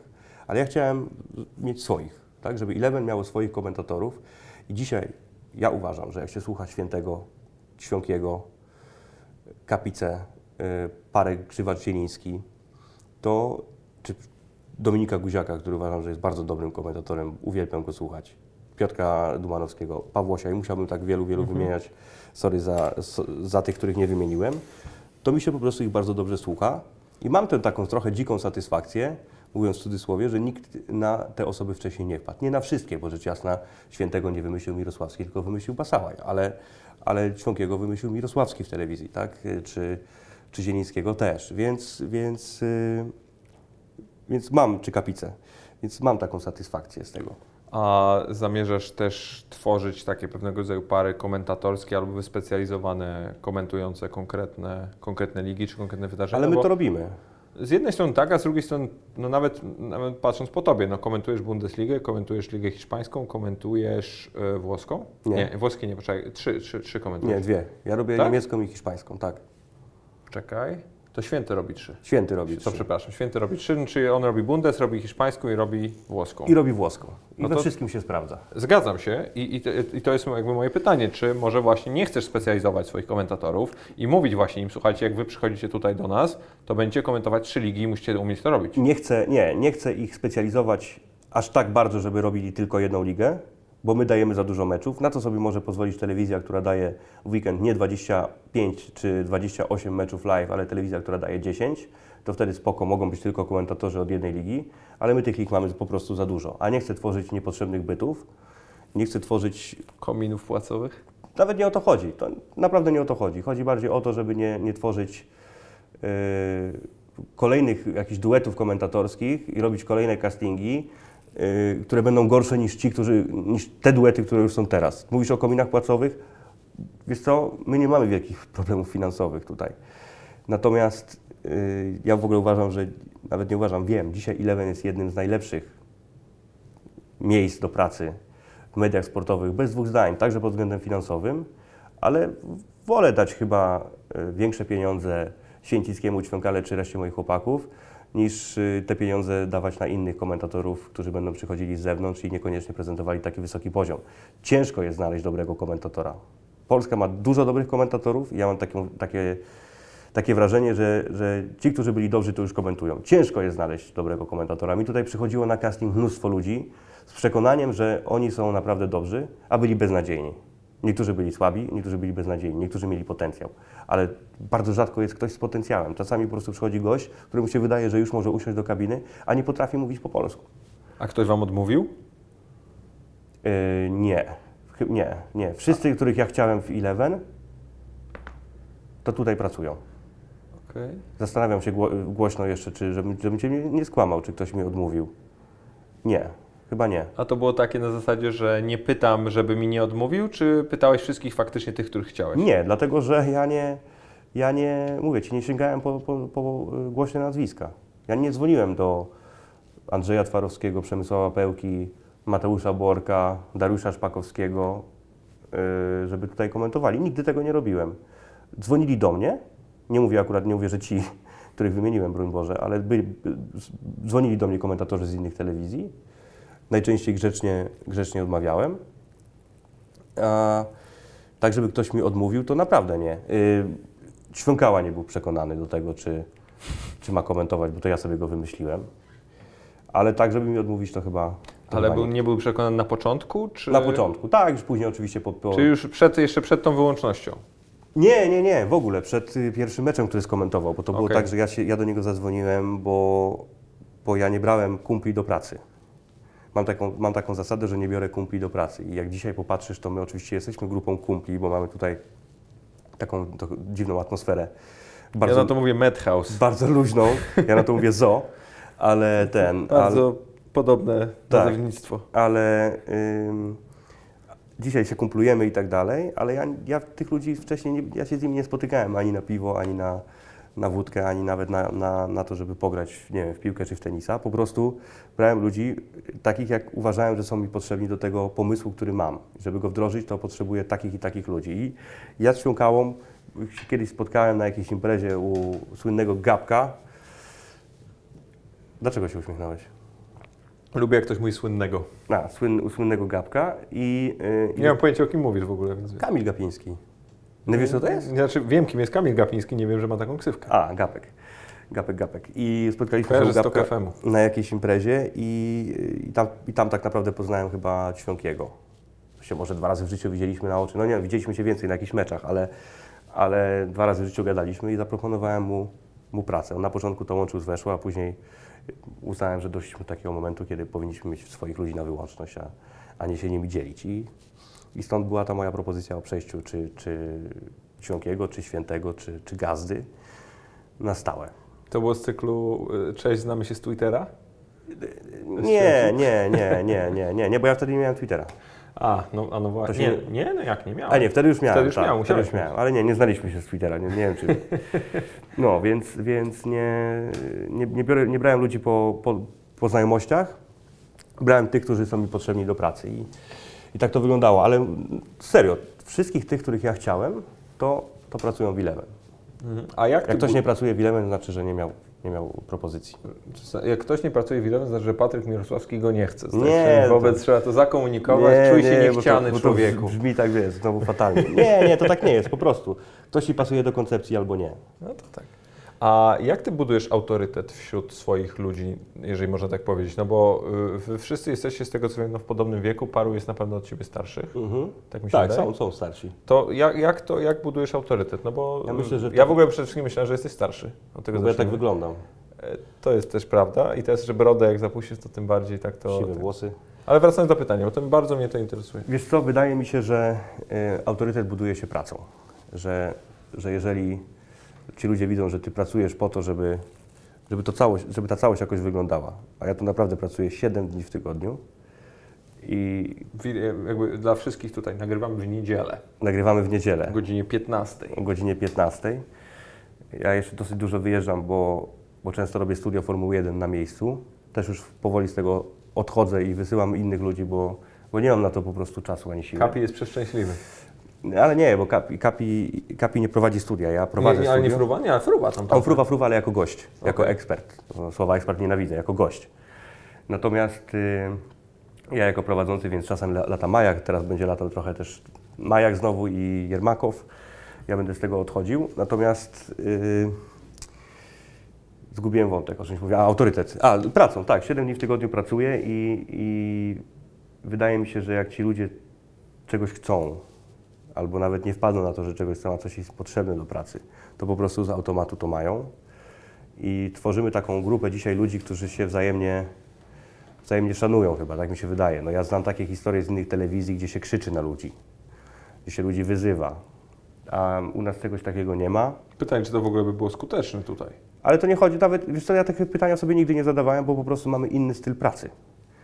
Yy, U nas czegoś takiego po prostu nie ma. No, miałem gościa, który raz przyświrował i wydawało mu się, że skomentował 10 meczów, jest wielkim panem komentatorem i wystartował do paru innych. To dostał od razu bana na dwa tygodnie i, i wysłałem go do rodziny, żeby sobie ochłonął. Raz, Pracuje dalej? to raz w życiu. Pracuje dalej, tak, no bo to, nie, to wiesz, no, zwalnianie ludzi przez takie głupoty to nie jest, to nie jest, to nie jest dobre. Ale takie historie też są, dlatego, dlatego Nie, pytam. nie, nie. Po- Powiedziałem mu, idź ochłoń, wyluzuj się, wróć taki jak byłeś tam te wcześniej trochę i, i ten, i możemy dalej normalnie pracować i, i tyle. I, I to miałem taką jedną historię. Natomiast my pracujemy naprawdę na, na bardzo dużym luzie. Ja nie, ja nie mam potrzeby, ja oglądam mecze, oglądam Eleven bardzo często. Jak coś mi się nie podoba albo na coś zwrócę uwagę, to zwracam uwagę komentatorom, ale staram się nadto też nie interweniować za każdym razem i wchodzić w ich poletko, bo uważam, że wykonujemy taki zawód, gdzie masz od razu feedback, a poza tym od razu wiesz, czy coś dobrze zrobiłeś, czy nie. I możesz sobie ten swój mecz w domu odtworzyć i słyszysz, czy to się dobrze słucha, czy nie. Więc, więc to jest o tyle e, wdzięczny zawód. I też każdy komentator, jakiego znam, chciałby być najlepszy w Polsce. Więc siłą rzeczy każdy się stara doskonalić. Więc, więc y, oczywiście my rozmawiamy sobie między sobą, ale mamy takie wrażenie chyba dzisiaj tutaj, że czy każdy ma taką świadomość, że bierze udział w fajnym projekcie, głupio byłoby to zepsuć, głupio byłoby z tego projektu wypaść, ale żeby być w tym projekcie, to musisz prezentować określony poziom i poniżej pewnego poziomu nie schodzić. I tak dzisiaj to, to wygląda. Ja nie chcę mówić, że to jest jakieś elitarne grono. Broń Boże, jakby powiedział słowo elitarne grono na dole, to bym mówię na dole, bo jesteśmy na pierwszym piętrze, a tutaj jest administracja, a na dole jest produkcja i właśnie lecą kolejne mecze i tam są kabiny komentatorskie i wszystko możliwe, to by mnie wyśmiali. Ale, ale tutaj sobie pracujemy na, na dużym luzie, ale też na dużym profesjonalizmie. I to, co mi się podoba, to czasami jest rzeczywiście, tak o tym mówiłeś, o tych takich przytykach innych komentatorów, czy innych stacji czasami, czy przedstawicieli innych stacji w, w kierunku Eleven. Im więcej, moim zdaniem, tym lepiej, ale znowu moi komentatorzy czasami wysyłają mi na Messengerze screenshota z Twittera, bo jakiś tam komentator innej stacji znowu coś napisał. Gdyby nie to bym w życiu w ogóle nawet nie wiedział. E, bo mnie to średnio interesuje, ale rzeczywiście jest takie poczucie tutaj, oni, oni chcieliby być w telewizji, której nikt nie krytykuje, nie? bo oni tak czasami reagują bardzo impulsywnie na każdy głos krytyki, a ja uważam, że to jest wpisane w naszą robotę. Taka robota. Świętej pamięci, robotę. Świętej pamięci Grzegorz Miecugow, uważam, genialny, genialny dziennikarz, na pewno bardzo zasłużony. Kiedyś miał taką historię, że szedł w Krakowie i nagle podeszła grupa zwolenników, podejrzewam, PiSu, no bo tak to, tak, to, tak to bywa i zaczęła go mocno, mocno wyzywać. On na to w ogóle nie zareagował, a jak zapytał go stojący obok Edward Miszczak, czyli dyrektor programowy TVN, jak to tak w ogóle bez reakcji? On mówi, taka robota, taka robota. My oczywiście nie pracujemy w polityce, więc, więc nie mamy tych problemów, ale krytyka jest wpisana w, te, w naszą robotę. Dlatego czasami mówię, ci ludzie też reagują zbyt, zbyt emocjonalnie, od razu odpisują na Twitterze. Nie ma takiej potrzeby. A ty w ogóle odczuwasz jakąkolwiek, e, jakikolwiek dyskomfort albo no to takie poczucie, jakie sprzyja no, startupom powiedzmy, albo zakładaniu nowego biznesu na jakimś rynku, że no za chwilę to się może wyłożyć? Nie, dlatego że przełomowym momentem moim zdaniem po pierwsze było kupno La Ligi. Prawa są sprzedawane zazwyczaj na 3 lata. Raz je kupujesz, raz je tracisz, to jest normalne. Yy, jeszcze nie ma przetargu na La Ligę. Zobaczymy, jakie będą jego wyniki. Natomiast Myślę, że pokazaliśmy przedłużeniem Formuły 1, a przede wszystkim kupnem Bundesligi na kolejne 4 lata, że to nie jest telewizja obliczona na 2-3 lata, tylko to jest projekt obliczony na wiele, wiele lat. I myślę, że my też tutaj pokazaliśmy naszą robotą produkcyjno-redakcyjną, że ten produkt czy ten projekt ma, prawe, ma prawo się, się obronić i prawdopodobnie się obroni, bo ciągle mam wrażenie, że jesteśmy o krok przed konkurencją w wielu, wielu sprawach. Tylko musicie gonić, jeżeli chodzi o ludzi oglądających, no ale to też już pewnie Spokojnie, lepiej. bo z tego co się orientuję, a nie mogę mówić liczbami, to już nie jednego dogoniliśmy. No. Chciałem Ci powiedzieć, że w grupie komercyjnej, czyli tej najważniejszej dla telewizji, 1649 jesteśmy prawie tydzień w tydzień. Mówię o weekendach tylko, nie mówię o, sorry, nie o tygodniu, tylko o weekendach. Prawie weekend w weekend na pierwszym miejscu, jeśli chodzi o oglądalność. Ale to uwa- a dobra, to, to, to teraz pytanie. Myślisz, że Może nie, przez ilość nie, meczów? Czy przez, przez, przez też liczbę meczów? E, sorry, przez liczbę meczów, to powiedziałeś ilość, a właśnie mówi się liczbę. Liczba przez liczbę meczów, ale też, ale też przez jakość tych meczów, o tak, bo mamy jednak dobre ligi i myślę, że mamy wiernych, wiernych widzów i bardzo często rzeczywiście to Eleven jest w czołówce w tej grupie komercyjnej w weekendy, no bo wiadomo, że w tygodniu nas się trochę mniej dzieje. Konkurencja ma na przykład Ligę Mistrzów, wtedy oni, wtedy oni triumfują. Natomiast to pokazuje, że my naprawdę bywamy przed Eurosportem, przed yy, innymi stacjami. To nie jest tak źle, to nie jest tak źle. Znaczy, ja, ja w żadnym stopniu nie uważam. Nie Przy czym ja też uważam, że oglądalność nie jest kluczowa. Ona jest ważna, ona jest jakimś wyznacznikiem, ale ona nie jest kluczowa w takiej telewizji jak my. Przynajmniej jeszcze nie jest aż tak kluczowa. Oczywiście jest problem, jeżeli ci mecz ogląda 100 osób albo 200, czy jakiś program ogląda 200 czy 500 osób, bo to pokazuje, że, że, że ludzie tego nie oglądają, ale ja ciągle uważam, że waż, ważniejsza jest liczba eventów, które dajemy, niż liczba oglądających. O tak. A Twoje doświadczenie w pracy w Bookmacherce w ogóle Ci pomaga dzisiaj w telewizji? Tu, tutaj w ogóle nie. Kompletnie? Kompletnie nie. Nie, znaczy, wiesz co, pomaga... Nie, ale może wiesz, bo, bo, użytkownik jest teoretycznie podobny, bo zazwyczaj ci ludzie, którzy grają u bookmacherów, oglądają mecze. Ale wiesz co, ja miałem, ja pracowałem na niemiecki rynek, więc mi to trochę tak, yy, mówię u, u, u booków, mhm. nie? Na niemiecki rynek, więc nie, nie, nie, zupełnie nie, zupełnie, zupełnie to nie ma nic, nic wspólnego jedno jedno z drugim, tak się tak zastanawiam się, czy to ma coś wspólnego. No ma, ma o tyle, że ponieważ ja mieszkałem w Londynie i mieszkałem w Hiszpanii, ale pracowałem na Gibraltarze, to dzisiaj pewnie mówię trochę lepiej po angielsku niż mówiłem wcześniej, czy dużo lepiej, ale no to wiadomo, że pomaga, no bo jesteśmy, jesteśmy korporacją. Ja uważam, że słowo korporacja nie jest złym słowem. Korporacją międzynarodową, bo mamy telewizję w wielu, wielu krajach i, i wiadomo, że są telekonferencje, są spotkania, E, szefowie tej telewizji przecież nie są Polakami, więc, więc mówimy ze sobą albo po niemiecku, albo po angielsku, ale to chyba to jedyne, jedyne co mi pomogło. Czyli nie masz kompletnie... Nie, nie, nie, zupełnie nic. To, to skąd ta oferta pracy? Wiesz co, yy, teraz nie chcę Cię kłamać, bo to było już chyba 4 lata temu albo z 5, więc nie chcę wymyślać, a dokładnie nie pamiętam. Pamiętam, że z Gibraltaru dostałem rzeczywiście ofertę z tamtej firmy, a z Londynu nie pamiętam jak to było, ale ten, ale Y, Ja, ja, wiesz co, ja chciałem pojechać przede wszystkim. Y, Niekoniecznie do Londynu, ale ja chciałem pojechać do albo na Maltę, albo na Gibraltar. Bo ja, ponieważ dosyć dużo kiedyś przed Eleven podróżowałem. Czyli Mekki bukmacherskie, Tak, dokładnie. obok Cypru. Dokładnie. Cypr mi się w ogóle nie podoba jako kraj, więc a mi się bardzo podoba Malta. Jak mam chwilę wolnego, to staram się zawsze gdzieś tam wyjechać albo na Maltę, albo na Gibraltar, gdzie, gdzie, gdzie żyją małpki i, i tam chciałem mieszkać, więc, więc yy, siłą rzeczy, żeby tam pracować, no to musisz albo w bukmacherce, albo w jakichś finansach, albo gdziekolwiek indziej, więc, więc tak, to, tak to wyszło. Wyciągam sobie właśnie jeden cytat, bo y, czytałem sobie oczywiście y, przed, przed tą naszą rozmową jakieś, jakieś artykuły o tobie, twoje wywiady, wypowiedzi i tak dalej i, rzuciła mi się w, w oczy jedna rzecz, dlatego też o tego Bukmachera pytam. Aha. No bo ty mówisz o, o niezależności finansowej i niezależności mentalnej i mówisz, że to ci w pewnym sensie daje komfort w ogóle pracy i, i mówisz o tym, że ty po Eleven już nie będziesz pracował w żadnych innych mediach. Jakbyś mógł o tej właśnie niezależności się wypowiedzieć, no bo nie, nie każdy dzisiaj mówi sobie, ja to w ogóle lubię uciec na Maltę, albo ja to w ogóle... Ale ty mówisz, ty ostatnio gdzieś napisałeś, że chcę mieć wywiad z Gortatem, nie ma problemu, lecę do Stanów, nagrywam. Oczywiście, ale, y, ale śmiem twierdzić mimo wszystko, że wciąż nie jest to bardzo popularne podejście. Mhm. Ja tak wiem, uważam. co mnie motywuje i teraz się zastanawiam, co Ciebie motywuje. Też tak żeby uważam. tak żyć sobie właśnie. Wiesz co, ja jestem człowiekiem, który bardzo lubi pracować. Nie jestem z bogatego domu, nie jestem też z domu biednego, żebyśmy mieli świadomość. Ale nie jestem z bogatego domu i ja w wieku 19 lat, jak zacząłem pracować, a zacząłem pracować w sportklubie, dzisiaj możemy się śmiać, że to jest telewizja, której prawie nie ma, albo Ewidentna druga liga. ewidentna druga liga, ale to jest ciągle telewizja, która mi wtedy 19-latkowi dała szansę. Czy 20-latkowi, już dokładnie nie pamiętam. Jest to telewizja, która dosyć szybko zaczęła mi płacić takie pieniądze, żebym mógł się spokojnie, właściwie to od początku, od pierwszego miesiąca, żebym mógł się spokojnie za te pieniądze w Warszawie utrzymać. I jak ja dostałem pierwszą wypłatę, to nigdy w życiu nie wziąłem ani złotówki od moich starych. Ani złotówki. Więc jestem jakby niezależnym człowiekiem od 19 roku życia, a startowałem z zerem na koncie.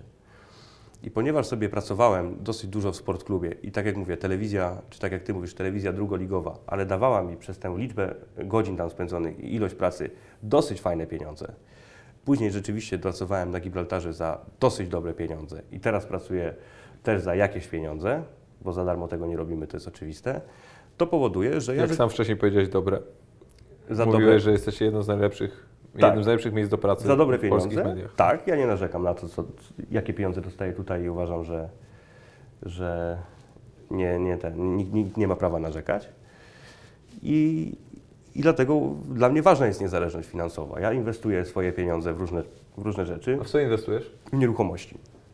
Po piłkarsku. Tak, po piłkarsku kupuję mieszkania, ale i, i dlatego uważam, że, że gdzieś tam mądre inwestowanie tych pieniędzy od, od dłuższego czasu pozwala mi dzisiaj naprawdę na dosyć spokojne życie i nie mam problemu z tym, że jeżeli, uwierzcie mi, jeżeli mi przestanie się podobać ta robota, przestanie mi się podobać Eleven z jakiegoś powodu, albo mnie wyrzucą, to ja nie będę miał z tym żadnego problemu. Na razie się na to nie zanosi i pewnie jeszcze się długi czas zanosić nie będzie, ale bo, bo robimy myślę fajne rzeczy, jeszcze dużo rzeczy jest do zrobienia, ale nie choruję na telewizję, nie muszę pracować w telewizji i na pewno po Eleven już nie będę chciał pracować w telewizji. Chyba, że powstałoby coś na kształt Eleven nowego i ktoś by mnie za, zaangażował. Nie chciałbym iść pracować do telewizji, która już jest. Nie chciałbym iść pracować. I to nie ma znaczenia dlaczego. Ani do Polsatu, ani do NC, ani do Eurosportu, ani gdziekolwiek indziej. Okej, mógłbym komentować biatlon sobie. To, to bym chciał. Ale, pasji. ale z pasji, tylko przychodzić sobie z ulicy i komentować biatlon. Ale tak, żebym miał iść gdziekolwiek, y, czy komentować, czy pracować na tej telewizji, nie.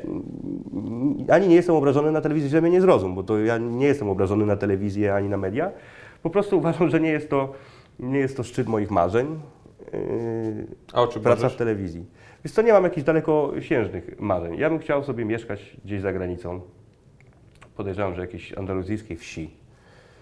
E, jeść dobry ser i pić dobre wino. I, i, i Grać w golfa.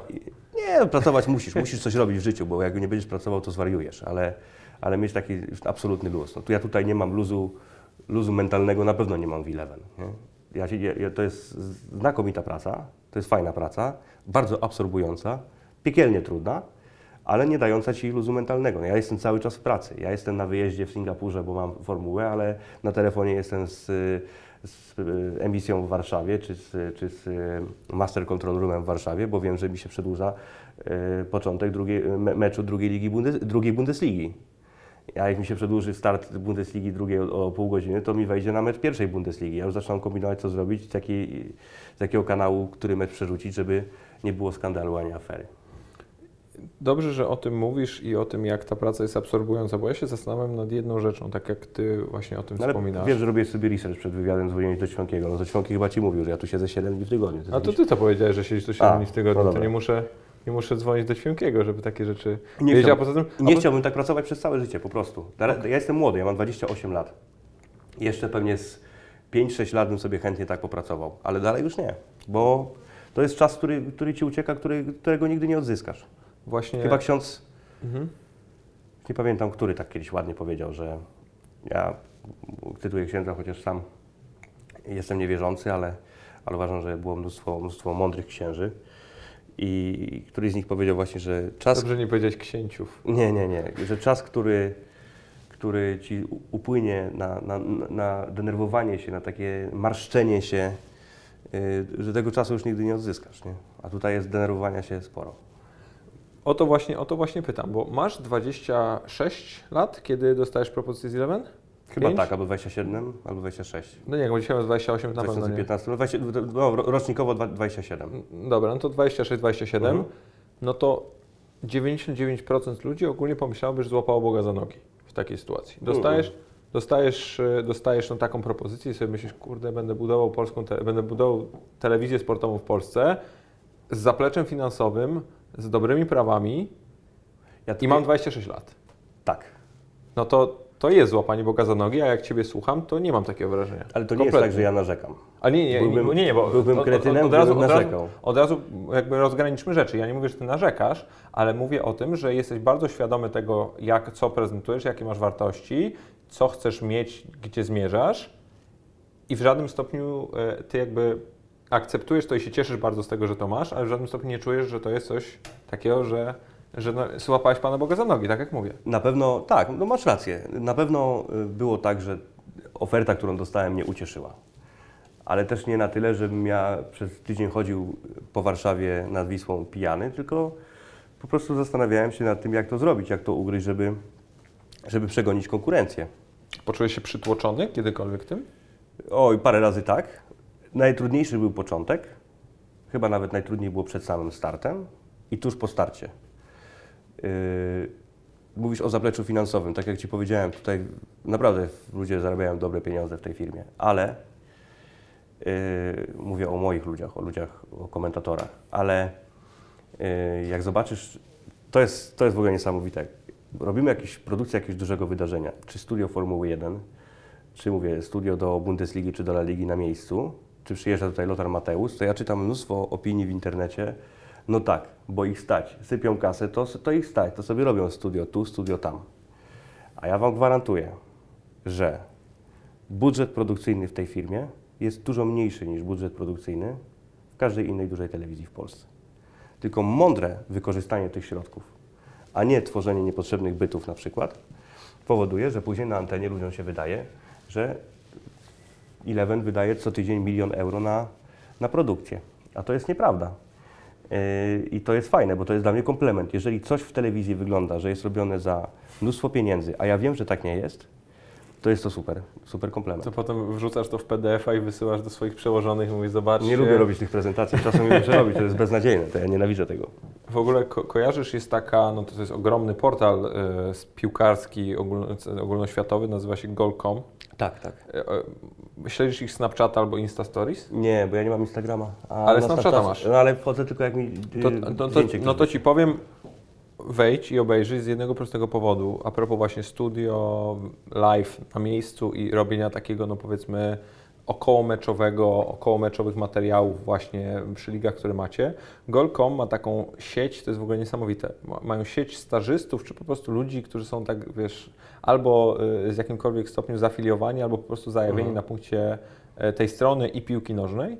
I oni ściągają sobie ludzi we wszystkich tak naprawdę topowych miejscach piłkarskich na świecie dają im dostępy do Snapchata i do Insta Stories Goal.com i ci ludzie im robią live jakby z miejsc, w których są.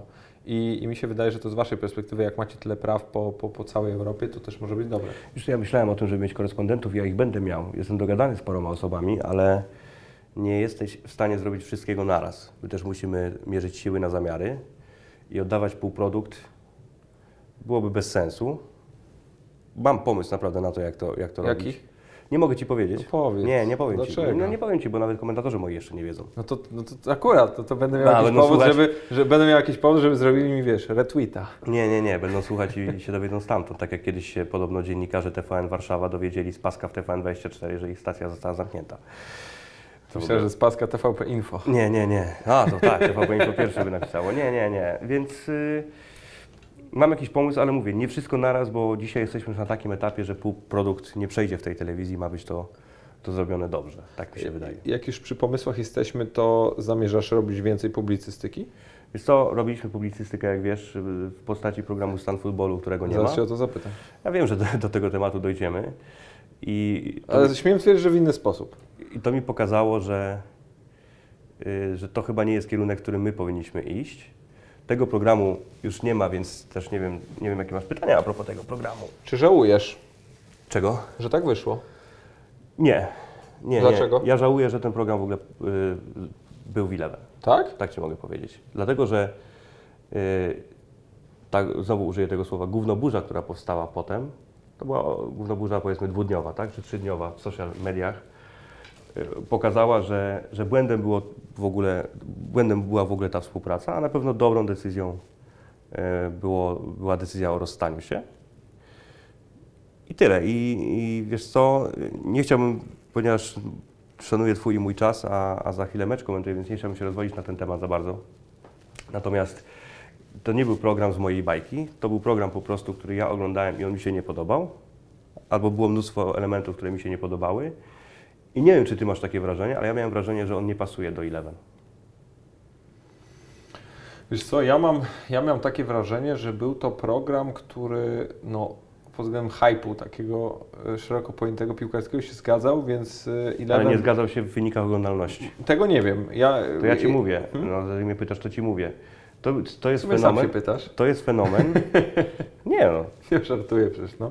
To, jest, to był fenomen polegający na tym, że rzeczywiście było dużo y, ruchu na so, w social mediach, a mało ruchu na antenie. I, i tyle. I, y, była ta, było, to, to dlaczego w ogóle podjęliście decyzję, by był ten program, skoro mówi, że było to błędem? Wiesz co, i- kiedyś zgłosił się do Eleven Krzysztof Stanowski. Nie konkretnie do mnie, tylko do innej osoby. Czy, bo on wtedy robił to na... Na YouTubie. Weszło chyba na YouTube, tak. No, weszło i, i YouTube. Tak. W sieci to robił, no?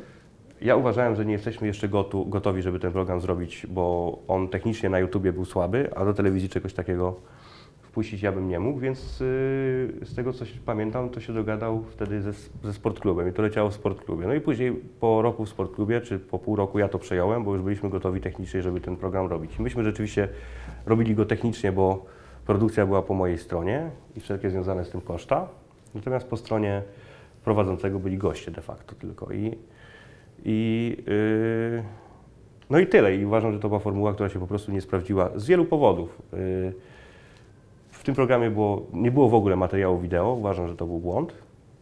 Ten program był przegadany, a ja dzisiaj nie chcę iść w stronę telewizji, gdzie są gadające głowy. Tak samo jak ostatnio, nie wiem, nie pokazałem studia po, po wyścigu Formuły 1, mimo że wyścig był bardzo pasjonujący w Singapurze i ludzie czekali na te wywiady z kierowcami po i, na opinię ludzi w studiu, to ja nie pokazałem studia, bo miałem już live, leciała Sevilla. Dla mnie telewizja to jest dzisiaj live i coś się musi dziać, a niekoniecznie gadające głowy. I tyle. Poza tym Gadające głowy zresztą możesz mieć 3 godziny po meczu. Dlaczego nie? To po pierwsze. Po drugie, taki program jak, jak, e, jak Stan Futbolu uważam bardziej się sprawdza w internecie niż w telewizji. Że możesz sobie go odpalić i on ci leci. Trochę jak z twoim podcastem. Ja właśnie chciałem powiedzieć, ja w ogóle uważam, że stan futbolu to powinien być podcastem. No właśnie. Więc, Tak jak masz misję futbol. więc ja na to wpadłem dosyć szybko. Ściągnąłem ten program w lutym. Tam oczywiście cała zadyma, tak? Screenshoty z No. prywatnych rozmów, e, e, felietony i tak dalej. Jak ci, jak ci mówię, ja jestem dosyć nieczuły na hejt. A, a wręcz bardzo nieczuły na hejt. Więc mi to nie, nie, nie, naprawdę nie spędzało snu z powiek. Ja się spodziewałem reakcji dosyć ostrej, powiedzmy, drugiej strony, powiemy z kim mamy do czynienia, ale w ogóle mnie to nie wzruszyło. To była decyzja, która była przemyślana. Jeżeli bym jej nie podjął wtedy w lutym, to bym ją podjął w marcu. I tyle.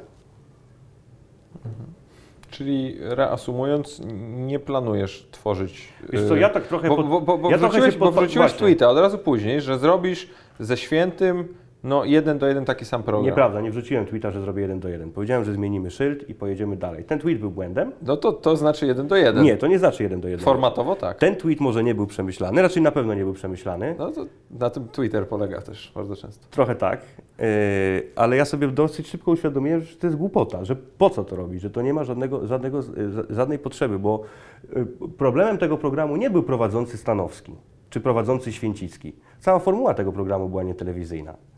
Więc yy, no tak, to był trochę nieprzemyślany tweet, ale, ale yy, bardzo szybko się z tego wyleczyłem i nie, nie uważam, że dzisiaj musimy iść w stronę takiego programu. Że dzisiaj takie gadające głowy w tej telewizji nie przejdą.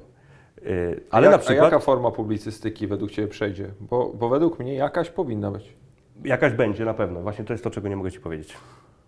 Boże święty, a, a muszę Ci w ogóle To przyznać. co, Boże Święty? No to, to nie, no, słuchaj, no, idziesz na rozmowę i chcesz się dowiedzieć, no jak się nie możesz dowiedzieć, No, ale to nie nie zawsze- jesteś pocieszony, no. Nie zawsze mogę Ci wszystko Ale powiedzieć. oczywiście, że tak, a ja nie, ja nie muszę być z tego powodu Nie, no to szczęśliwy. wiesz, wracając się tak, zamykając temat y, stanu futbolu.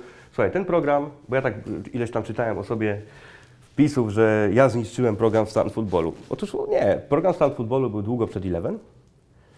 Później Eleven go przejęło w sensie produkcję tego programu i uważam, że to był jedyny czas, kiedy, kiedy ten program jakkolwiek wizualnie wyglądał.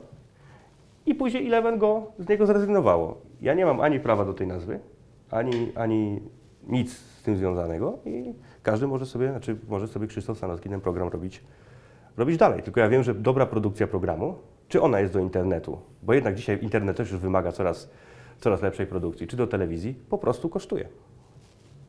Są jako, tanie że, a rzeczy. jako, że wy szastacie kasą, to... A że my nie szastamy kasy, to ja nie mogę sobie pozwolić na produkowanie programu, którego niewiele osób ogląda, po prostu. A masz jakieś, a masz jakieś takie marzenie związane z, z tym, co byś chciał pokazywać, albo jaki, jaki, jakiś program, który chciałbyś wyprodukować w Eleven? Nie, nie mam takich marzeń. Yy, Albo plan?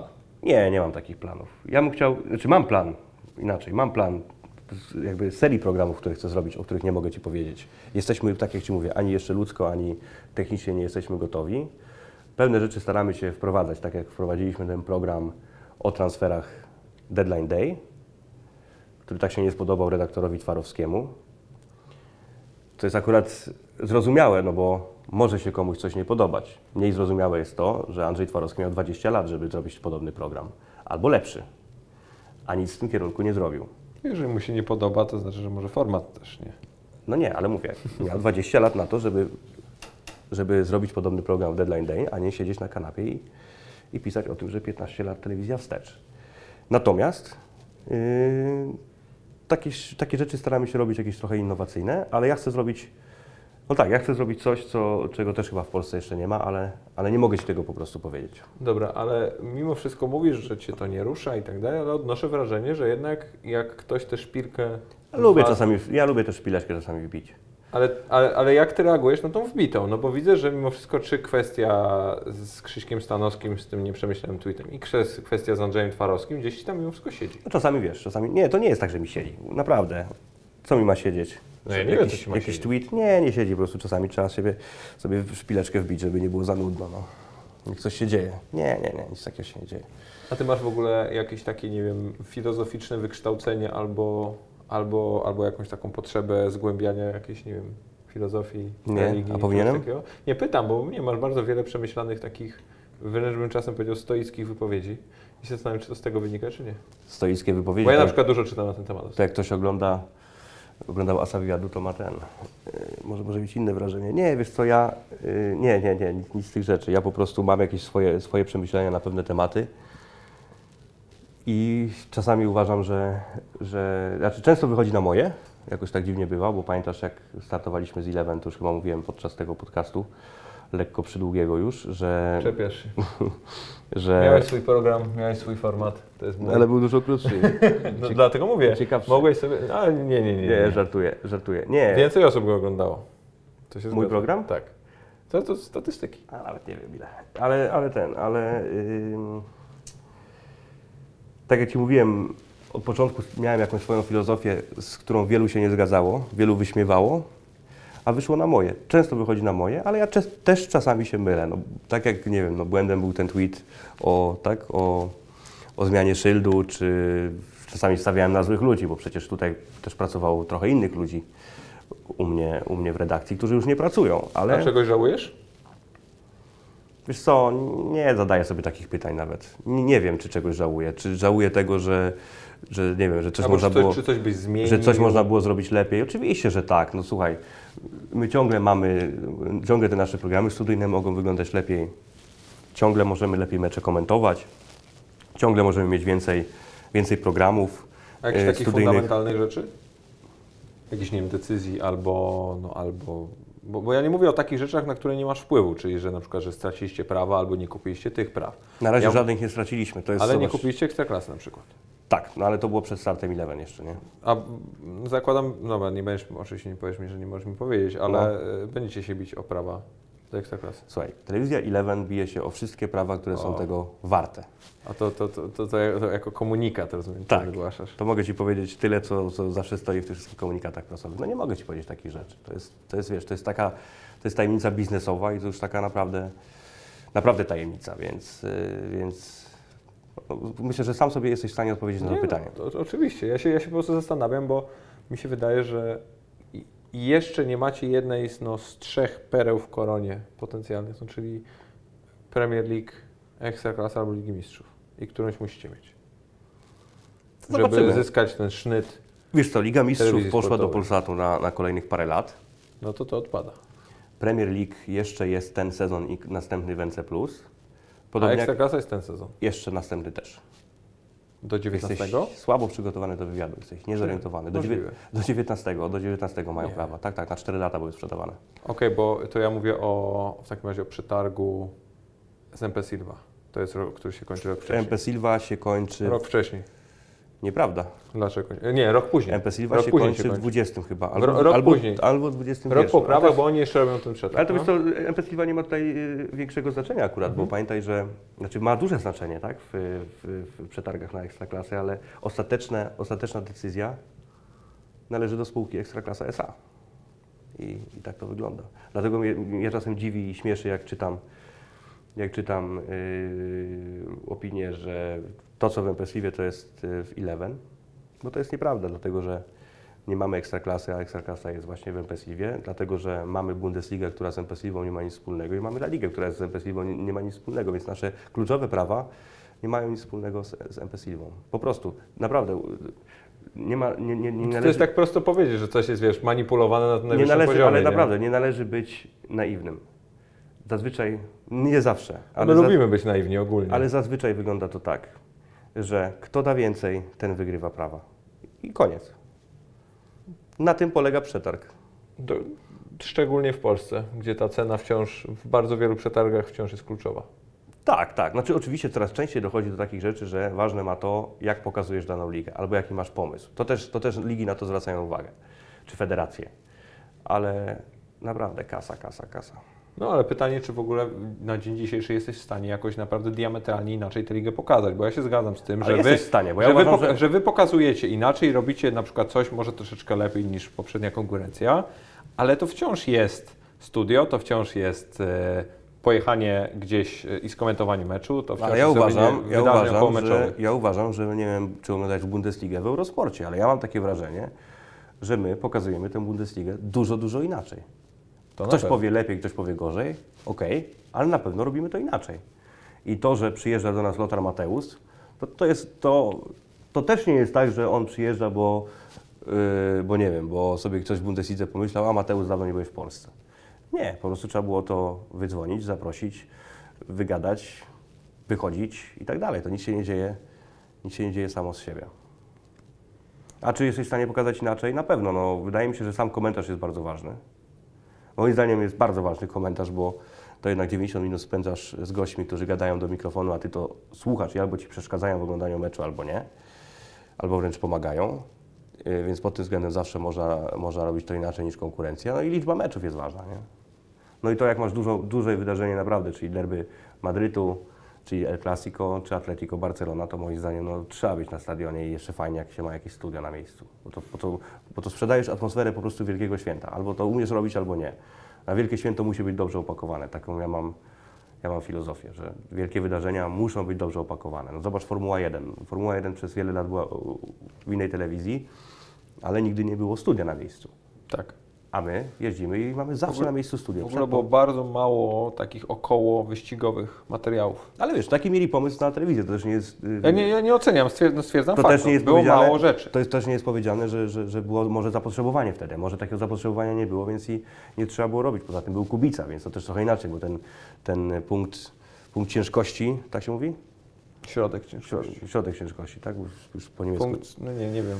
Okej. Czy nie, środ- środek ciężkości, ale jakiś taki punkt styczny. No, to, ale generalnie y, fokus był na, na Kubice. Natomiast teraz znaczy, Kubicy nie ma, jeszcze nie ma, mam nadzieję, więc y, trzeba to pokazać inaczej. Uważam, że sprzedajemy tę formułę na antenie znakomicie, tak mi się wydaje. To jest A jak już jesteśmy przy, przy wielkich wydarzeniach, to mnie strasznie interesuje. Wy macie prawa do Super Bowl? tak. Jak zamierzacie pokazać Super Bowl? pokazywaliśmy dwa razy. Wiem, ale w tym roku. W tym roku pokażemy na Wiem, pewno. że pokazywaliście. Nie jestem aż tak źle przygotowany do wywiadu. W tym roku pokażemy na pewno e, i po angielsku, i po polsku, w dwóch wersjach językowych. Wyślecie tam kogoś? Nie, nie zamierzam tego robić. Mogę lecieć? Nie, nie możesz. Nie, dlatego że to jest, dlatego że moim zdaniem, wracamy do, trochę do tego, co Ci mówiłem wcześniej. E, Nie warto szastać pieniędzmi. Oczywiście produkcja telewizyjna kosztuje, ale teraz jak ja mam wybór, wysłać ludzi do, nie wiem gdzie, gdzie, gdzie będzie Super Bowl tym razem, Ty wiesz? Jakiś Houston albo gdzieś, chyba ostatnio był w Houston. Ostatnio było w... Albo Dallas? Nie, w Houston Nie, było. nie, nie, poczekaj, myślę o tych... e, Nie, w Houston było ostatnio, mówię Mogło Ci. tak być.